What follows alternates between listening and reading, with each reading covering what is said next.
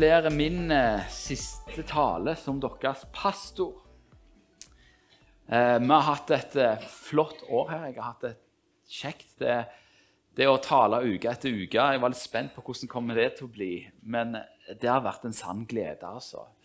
Det har vært en sann glede og en sann fryd eh, å få lov til å, til å forkynne Guds ord og få lov til å være en del av kirka her på Betel.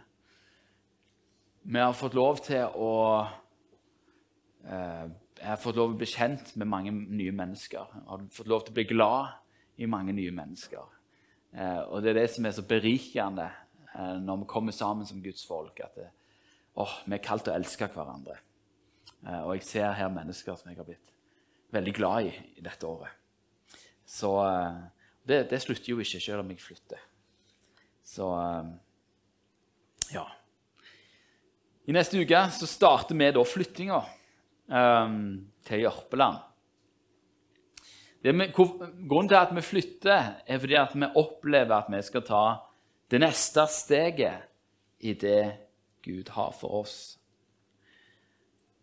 Å ta et nytt steg i tro det er alltid utfordrende, fordi du forlater noe som er kjent og trygt, for noe som er ukjent og usikkert. Så Det jeg skal tale om her i min avslutningstale, det er da det neste steget når Gud kaller. Noe jeg har påpekt tidligere, er at det å være en Jesu Kristi disippel det å være på vandring. Det handler om å ta stadig nye steg i tro. I første Mosebok 12, 1-4, så kan vi lese om at eh, Og Herren sa til Abraham Første Mosebok 12, 1-4. Leser de tre første versene først. Og Herren sa til Abraham.: Dra bort fra ditt land og fra din slekt og fra din fars hus til det landet jeg vil vise deg. Jeg vil gjøre deg til et stort folk. Jeg vil velsigne deg og gjøre ditt navn stort, og du skal bli en velsignelse. Jeg vil velsigne dem som velsigner deg, og den som forbanner deg, vil jeg forbanne. Og i deg skal alle jordens slekter velsignes. Når Gud setter Abraham på valg her Han inviterer Abraham til, han som blir Abraham, til å ta et steg i tro. Og dette steget i tro innebærer stor risiko. Han vil bli en fremmed der han drar til. Han har ikke andre støttepunkt enn seg sjøl og sine nærmeste.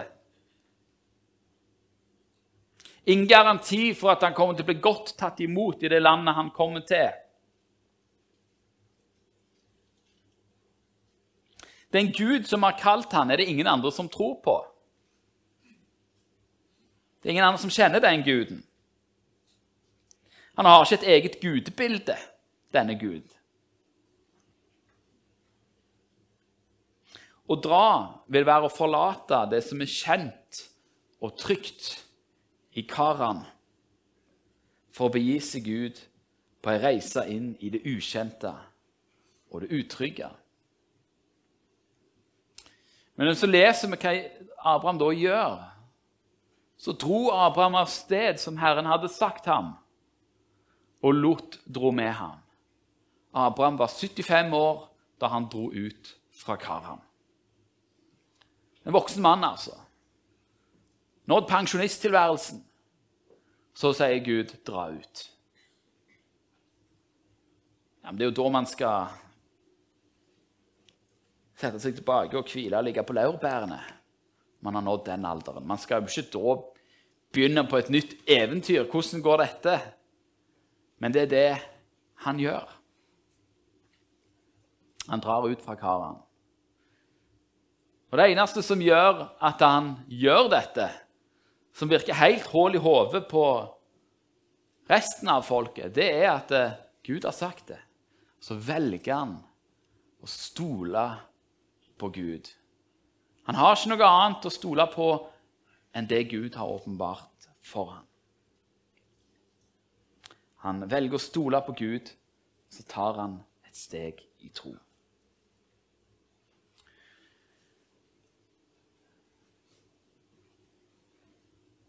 For 2000 år siden så vandrer Jesus langs Galileasjøen, eller Genesaretsjøen, som vi kaller det.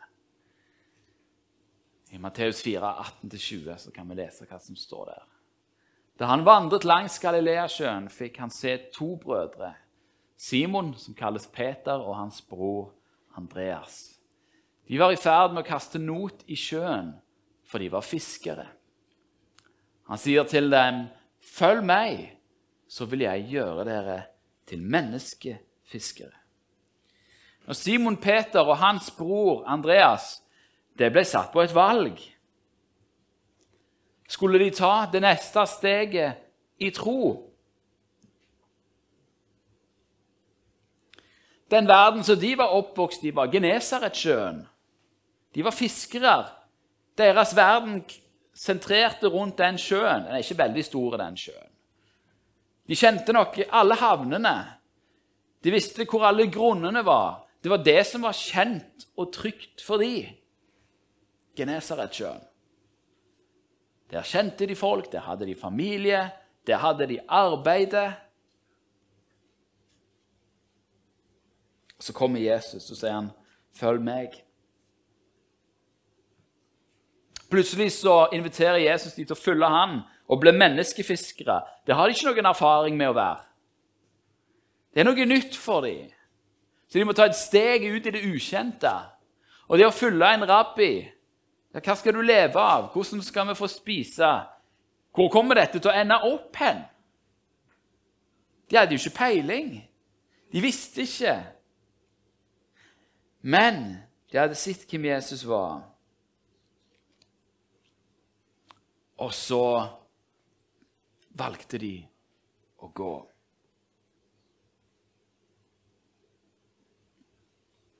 De forlot straks garna sine og fulgte ham. Det er derfor vi har hørt om de. Fordi de valgte å ta imot det kallet som Jesus hadde kalt dem til. Eh, jeg skal vise dere Ja. Jesus, han, han, han kaller eh, Og han kaller Han kalte Peter, han kalte Abraham. Gud har kalt meg til å dra til Jørpeland og bygdene inn gjennom.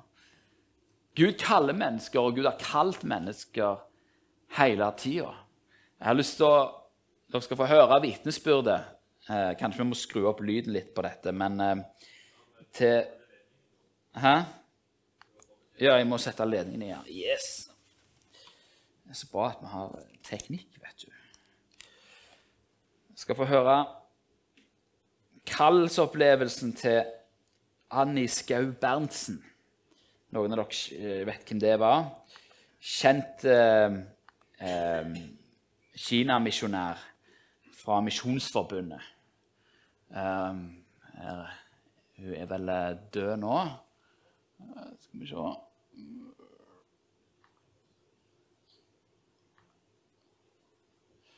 Um, Opptaket er litt sånn lågt, så det kan være at du må skru opp litt. Her, her forteller da hun eh, Dere skal høre fem minutter når hun da forteller om hvordan Gud kaller hun til å bli misjonær i Kina. Hæ? Ja, det tror jeg jeg skal gjøre. ja.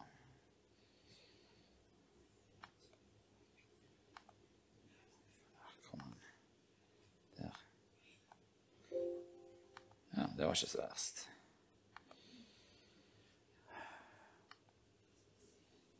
Han gjorde det med meg. Han har gjort det med titusener av andre. Da kallet kom for meg å bli misjonær, da syntes jeg det var så dumt. At noen kunne tenke at jeg kunne bli misjonær. Denne ganske alminnelige ordensjenta som ikke var noe spesielt på noen måte. Misjonærer måtte da være noe helt spesielt. Jeg kjempet nesten et år med dette. Jeg tenkte kanskje det er kjælepinnen som vil lede meg på gale veier. Men min mangel på tro, den hindret ikke Gud. Han fortsatte. Igjen og jevn, dag etter dag, så kjente jeg dette inni meg som vokste. Vil du gå for meg til Kina? Men Jesus, jeg er ikke verdig, jeg er ikke intelligent nok, jeg har ikke talegaver nok. Du må da forstå at jeg ikke kan bli misjonær. Nå hadde jeg ikke møtt noen av dem, så jeg visste ikke, som jeg vet nå, at de fleste misjonærer jo ganske alminnelige mennesker, de også. Men i alle fall, jeg kjempet med dette. Til en dag som jeg lå ute i bøkeskogen utenfor Larvik. Jeg orket ikke å kjempe lenger. Jesus, nå reiser jeg meg opp før jeg er sikker på om det er deg, eller om det ikke er deg. Er det deg, Jesus, som vil at jeg skal reise til Kina og forkynne evangeliet? Ja, da må jeg reise. Er det ikke deg, da må jeg ikke reise. Det er mer viktig enn liv og død. Og jeg tenkte nå skal jeg sikkert ligge her og sulte i timevis. Og jeg kan gjøre det, jeg kan dø, men jeg må vite Guds vilje. Så tror jeg det var ett minutt en gang. For igjen så kom denne ømme, kjærlige, men bestemte stemmen dypt i mitt indre. Vil du gå for meg til Kina? Nå visste jeg det var ham. Det måtte være som Maria Magdalena en dag utenfor eh, graven. Maria, hun visste det var Mesteren. Og jeg visste det var Mesteren. Og jeg roper ut Ja, Jesus, jeg vil dra. Du åpner veien, du tar ansvaret. Og vet dere hva som hendte? Jeg ble en kineser. Ikke utafor, men inni. Det var som at Jesus fylte mitt indre med en kjærlighet så meget som mitt hjerte kunne romme det, av kjærlighet til Kina og kineserne. Og det er ikke mindre i dag. Og i dag er det 52 år siden. Så det er noe som holder. Det er noe som varer. Og Jesus er så forunderlig stor når han vil lede oss på sin vei. Av og til er vi så dumme. Nei, tenk om Jesus skulle kalle meg til Kina. Jeg kan ikke overgi meg helt. Og da er jeg så glad for at det var en Herres som sto der og kalte som jeg kom inn i misjonsteltet den gangen på Majorstuen. Om Gud vil ha deg til Kina, så er Kina det beste stedet i verden for deg. Vil Gud ha deg i Afrika, så er Afrika det beste stedet i verden for deg. Vil Gud ha deg i Norge til hva som helst tjeneste, så er det det beste stedet for deg. Og etter over 40 år av misjonærliv så sier jeg amen. Amen. Hun reiste ut til Kina, opplevde å se blinde folk få syn igjen. Døende unger som kom til live igjen. Eh, mirakler. Eh, hun forteller det om denne. Det, så søker hun opp på YouTube så, og hører hele denne fortellingen om hennes, eh, ja, om hennes liv. Så, ja, og alt hun har betydd for kristne i, i Kina. Som Abraham, som Peter, så opplevde Anni Skau Berntsen at Gud kalte. Så valgte hun å ta steget i tro.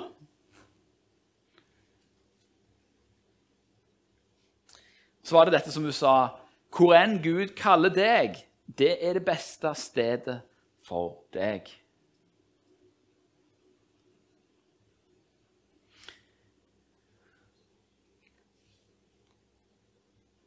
Det vi nå har snakket om til nå, det er at når Gud kaller på deg så, altså, Det kall som jeg har snakket om fram til nå, har jo handla om å ta et fysisk steg i tro. Altså et kall som innebærer å flytte adresse. Det er det vi gjør nå. Vi flytter adresse. Det er det Annie Skau opplevde, det er det Simon Peter opplevde, det er det Abraham opplevde. Men det er ikke alltid at Guds kall innebærer å flytte adresse. Det er ikke sånn at du nødvendigvis må reise en annen plass. Det handler ikke bare om det. For hver dag så tar vi steg i tro. Eller så kan vi ta steg i tro. Du vet, når, når man bekjenner ting som man ikke har bekjent før, så tar man et steg i tro. I tro på at Gud er trofast og tilgir. Det kan være å å våge å gå på det Den hellige ånd forteller deg i hverdagen. Når Den hellige ånd leder oss. og så sier Den hellige ånd, si det. Eller gjør det. Og så gjør vi det, og så sier vi det. Det er å ta et steg i tro. Enten dette nå skjer i en gudstjenestesammenheng eller i det daglige.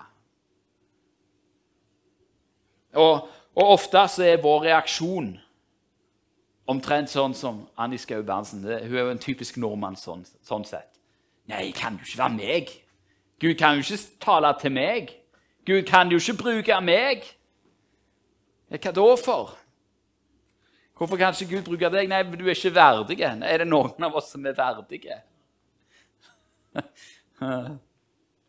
Jeg husker det når at jeg eh, Jeg har gått en hel sommer eh, Dette var som, ikke, altså, sommeren for to år siden. Så var det litt sånn eh, ja, eller er det tre år siden nå? Ja, Det var rett før pandemien begynte, i hvert fall. Ja. Så, eh, så, var det Hva skal jeg gjøre med livet? Og, og jeg visste at Gud hadde kalt meg til å være forkynner på heltid. Det var det, det jeg kjente på. Men hele den sommeren så gikk jeg der, og så var det liksom Men jeg, jeg har jo ikke Jeg fikser jo ikke mitt eget liv engang. Hvordan i all verden skal jeg kunne uh, gå inn i noe nytt? For jeg hadde en sånn fikse forestilling oppi hodet mitt at eh, jeg var nødt til å fikse livet mitt. Det var en sånn, en, sånn en ting som jeg hadde lyst til. vet du. Jeg hadde lyst til å være en, For jeg var jo lærer. Så tenk om jeg da var en suksessfull lærer og, og uh, gjorde alt bra, men så kom kallet, og så ofra jeg det for å gå. Det hørtes så fint ut for meg. Men faktum var at jeg fiksa jo ikke å være lærer. Klarte det ikke. Makta det ikke. Knakk sammen av det. Orka det ikke. Så jeg måtte jo ut av læreryrket. Så når du kommer da liksom sånn Ja, jeg, jeg, vil ikke være lærer, men hvordan kan jeg gå fra det og så da inn i forkynnelse? Det er ikke en sånn fra seier til seier-følelse. sant? Du kommer der, du har sagt opp jobben, du føler deg ikke høy i hatten. Du føler at ikke at du har liksom noe å gi, eller noe å, å, å altså, hvordan kan jeg formidle evangeliet? Jeg kan ikke være en lærer engang. Ser dere? Det er mennesket som snakker. Og så går jeg der med disse tankene og ah, ja, 'Hvordan er gudslivet mitt?' og 'Jeg har ikke lest noe i Bibelen.' 'Jeg har ikke klart å komme inn i vanen.' Alle de der tingene. 'Hvordan kan du kalle meg?' Og så plutselig så kommer Jesus. Når, Thomas, skal du få inn i ditt hode at dette ikke handler om deg? Det handler om meg og hva jeg ønsker å gjøre. Og nå ønsker jeg å bruke deg. Akkurat samme som Annie Skau Berntsen opplevde, akkurat samme som Simon Peter opplevde. Hvorfor meg? Hva er Peters reaksjon når han ser mirakelet? Han sier, 'Gå fra meg, Herre, for jeg er en syndig mann.' Nettopp. Og, og Peter viste til gangs at han var en syndig mann. På så mange måter viste Peter at han var en syndig mann. Gjennom hele evangeliene så får vi fortellingen om hvordan Peter roter seg ut i et eller annet. Snakker før han tenker. Og samtidig så velger Jesus å bruke han, og så ser vi Peters vekst. å ta nye steg i tro er noe vi alle kan gjøre. Og det kan være risikabelt. Men jeg måtte jo liksom, for min del så var det sånn OK, da. Ja, ja nei, men da Selvfølgelig. Det handler jo ikke om meg. Det handler jo ikke om min ære. Det handler jo ikke om hva jeg får til. Det handler om Han. Det handler om Gud. Og hvis Han vil Hør òg på en måte hva, hva hun sa. Jesus, du, du tar ansvaret. Du tar ansvaret. Hvis jeg skal være til Kina, så reiser jeg til Kina, men du, du tar ansvaret. Og det er sånn det må være.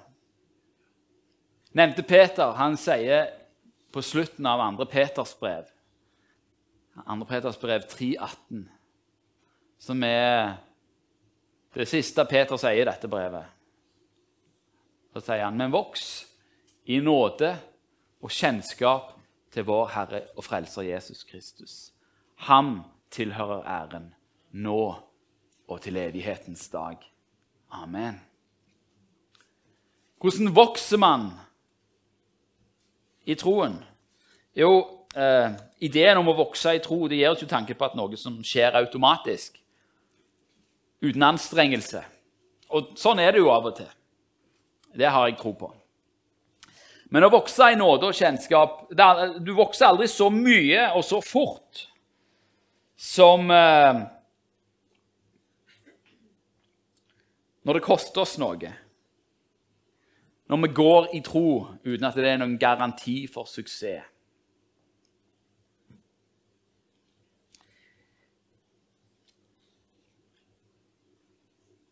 Når det ikke er noen garanti for suksess, hva trenger vi da? Vi trenger nåde. Vi trenger mer nåde.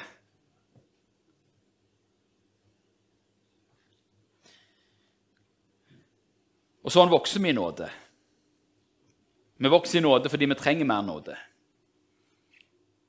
Hvis, hvis, hvis, du handler i det du er sikker på, så trenger du ikke så mye nåde. Er du, er du med på den? Men hvis du går ut i noe som er veldig ukjent, ja, da trenger jeg mer nåde. Men når du da gjør det og opplever at Gud har mer nåde, så kjenner, blir du kjent med han bedre.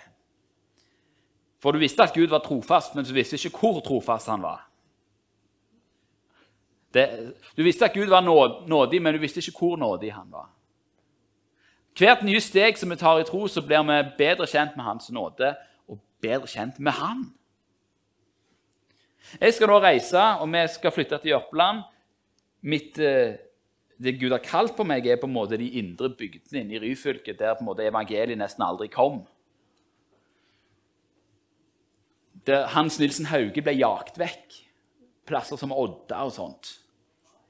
Og flere ting. Eh, jeg har ingen garanti for at det jeg vil gjøre der, kommer til å være suksessrikt. Altså, hvis Hans Nilsen Hauge ikke fiksa det eller ble jaget hvem er jeg som tror at de da skal ta imot meg? Sant? Det er ingen garanti for suksess i våre menneskelige termer. sant? Altså hvis, hvis, man klarer å lage ei gruppe der som består av 15-20 kristne, så er jeg fornøyd. sant? Men, men, men jeg har ingen garanti for det. Det fins ingen garanti for noen som helst. Hvordan skal man da holde ut i det? Hva er suksess? Hvordan definerer man suksess? For vi, vi mennesker vi liker å telle. sant? Det er liksom, ja, 'Jeg har ledet så mange til Kristus.' Og du har ledet så mange til Kristus. Eller 'vi har gjort så mye og sett så mye mirakler', eller Det er ikke sånn Jesus regner på suksess. Det er bare én måte jeg kan lykkes i dette. Det at jeg sier 'jeg gjør dette, Herre, fordi du har sagt at jeg skal gjøre det'. Og bare derfor. Om jeg da får forkynne og ingen tar imot, eller forkynne og ingen tar imot, og be og forkynne og ingen tar imot, så må jeg allikevel gjøre det. Fordi Jesus har sagt at jeg skal gjøre det. Lydighet er mer enn slaktoffer. Lydighet, å bare være lydig, det er det som er suksess. Å gjøre det som Gud har sagt at du skal gjøre. Jeg vet om en som uh, gjorde noe lignende, som ble sendt til de indre bygdene. Oppe i Eiken, av alle plasser. Han var vel fra Kristiansandsområdet. ble liksom Og der eh, skjedde det ingenting i de 10-15 første årene. Og så begynte det å skje. Hvordan definerer du, hvordan klarer du å holde ut da, i 10-15 år? Jo, Gud har sagt. Gud har sagt. Jeg går på det Gud har sagt. Så det kan jo ta 10-15 år, og kanskje enda lenger, men vi må, vi må følge Jesus det han kaller.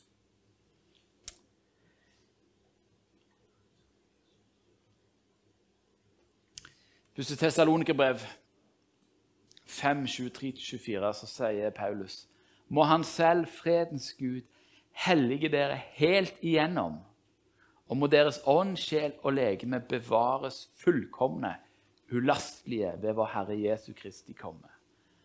Han er trofast som kaller dere. Han skal òg gjøre det. Det er det vi lener oss på. At vi har med en Gud å gjøre som er trofast. Jeg vet at jeg ikke fikser dette. Jeg fikser ikke dette. Jeg fikser ikke det jeg skal inn i. Jeg vet allerede. Jeg, sa, jeg, ikke, jeg vet ikke hva jeg skal gjøre. Jeg vet ikke hvor jeg skal begynne engang. Men det er jo ikke min drøm, og det er ikke min plan. Det er hans drøm, og det er hans plan. Så da må jeg gå på det som han sier. da. Han kommer til å vise det jeg skal gjøre. Jeg er overbevist om det. Fordi han er trofast, han som kaller. Og det er han som skal gjøre det. Jeg skal bare dilte etter og gå der han sier jeg skal gå. Det er jo ikke bare bare det. På en måte så er det bare bare. For det er jo bare til å stole på Jesus. Men det er jo det som er så vanskelig, da, å stole på Jesus. Men du kan få lov til å stole på Jesus. Kanskje det er noen her som kjenner på kallet, eller har kjent på kallet, og, og, på en måte dere vet en ah, Gud snakker til dere inn i hjertet. Hun Anni Skau Berntsen hun sleit med dette i et år. Hun hadde ikke lyst. Det var jo så dumt. Men kanskje Gud kaller. Hva da hvis du kjenner på kallet, men er ulydig mot kallet? Jo, eh, det fins bibelske eksempler på sånne òg. Eh, Jonah 1, 1-3. Så at Herrens ord kom til Jonah, Amitais sønn, og det lød så. Stå opp, gå til Ninive, den store byen, og rop ut imot den, for deres ondskap er steget opp og kommet for mitt åsyn. Eh, det var en ganske klar beskjed. Gud kalte Jonah. Jonah han ville ikke høre. Han syntes dette var en fryktelig dårlig idé. Men Jonas sto opp for å flykte til Tarsis, bort fra Herrens åsyn. Altså, hvis dere ser på et kart, så er, hvis, Nineve, hvis Israel er her og og Ninive er her, så er liksom Tarsis her borte. Han dro ned til Jaffa og fant der et skip som skulle til Tarsis. Så betalte han for reisen og gikk om bord for å fare med dem til Tarsis, bort fra Herrens åsyn. De som kjenner historien om Jonah, vet hva som skjer i de neste versene. Eh, det kom en storm, og Jonah vet at det er pga. han at han har vært ulydig mot kallet, så han får de til å kaste han over bord, og der kommer en fisk og sluker. Så hvis du har lyst til å bli spist av en fisk, så bare vær ulydig mot kallet som Gud har gitt deg. Og så spytter fisken han opp igjen. Og Hva er det Gud sier da, når han liksom har kommet opp på stranda? Så peker han bare akkurat samme plassen som han før. Ninive! Så går Jonah motvillig til Ninive. Eller israelsfolket som kom ut av eh, Egypt, og så eh, ja, får de speida ut landet, så har de tenkt at nei, dette er en sinnssykt dårlig idé, så vi ønsker heller å vende tilbake til Egypt. Men det får de ikke, så da kretser de rundt og går rundt et samme fjellet i 40 år. Hvor lenge vil de stå imot Guds kall? Hvor lenge vil du stå imot Guds kall? Hvor lenge vil du stange i hoven? Eh, stange veggen i hoven? Nei, hodet i veggen. Sånn er det. Det er godt det snart ferie, sier jeg. Hvor lenge vil du stange hodet i veggen eh, før du innser at eh, det ikke er ei dør der? Hvor lenge vil du insistere på å gå i veggen istedenfor å gå inn den døra som Gud har åpna for deg? Hvis du ikke går i tro, så kommer du ikke til å ende opp en plass som du liker. Fordi Gud vet hva som er best for deg og for meg. Det å gå i tro er jo ikke alltid behagelig, men det er alltid best. Hvis du insisterer på å gå din egen vei, så kan du det. Du får lov. Gud kommer ikke til å tvinge deg. Men det kommer ikke til å gå bra. Du kommer ikke til å trives der, uansett hvor det fører deg. Men så er det så fantastisk i historien om Jonah at eh, Gud angrer ikke sitt kall. Jonah var ulydig som bare rakkeren. Men, yes, men Gud førte Jonah tilbake. Pekte på akkurat samme plassen. Han angrer ikke sitt kall. En, en mann som heter Andreas Nilsen, han er pastor i Hillsong, Stockholm. Han fortalte, Jeg hørte hans vitnesbyrd. eh, der Han fortalte om hvordan han han slapp ikke vekk ifra kallet. Han hadde ikke lyst til å følge Jesus. Han var kalt til å bli pastor. Han visste han var kalt til å bli pastor. Men han hadde ikke lyst. Han ville ikke. Han prøvde å flykte. Hva er det som skjer? Jo, han flykta. Han eh, ut i verden, ut på pubene, ut og på en måte bare leve livet sånn som jeg vil. Og Hver eneste pub han kommer på, hva er det som skjer? Jo, det er noen som setter seg ned og begynner å fortelle han livshistorien sin. Og så må han hjelpe dem. Hvorfor det? Fordi han er kalt til å være pastor. Han leder mennesker til Jesus, han. Når han levde i ulydighet og levde ikke i pakt med troen. Allikevel sa liksom Ja, du trenger Jesus. Han bar med folk til frelse. Han var ikke frelst sjøl. Hvorfor det? Fordi Gud angrer ikke sitt kall. Og til slutt så måtte han jo bare gi opp. Det var en som ja, Han kom seg på et, et, en gudstjeneste, og han ville ikke egentlig og satt helt bakerst og jo selvfølgelig da pekt ut av predikanten. Du. Gud har kall over livet ditt. Hvor lenge vil du stå imot kallet? Jonah burde ha lest salmen av David, salme 139, 7-12. Hvor skal jeg gå fra din ånd? Hvor skal jeg flykte fra ditt åsyn? Farer jeg opp til himmelen, så er du der. Og vil jeg rede mitt leie i dødsriket, se, da er du der. Tar jeg morgenrødens vinger, det er altså langt mot øst, og vil jeg bo ved havets ytterste grense, det er i vest, så fører også der din hånd meg, og din høyre hånd holder meg fast. Og sier jeg, la mørket skjule meg, og lyset omkring meg bli natt, så gjør heller ikke mørket det mørkt for deg. Natten lyser som dagen, og mørket er som lyset. Du kan stå imot hele livet, men du kommer ikke til å bli lykkelig av det. Nei.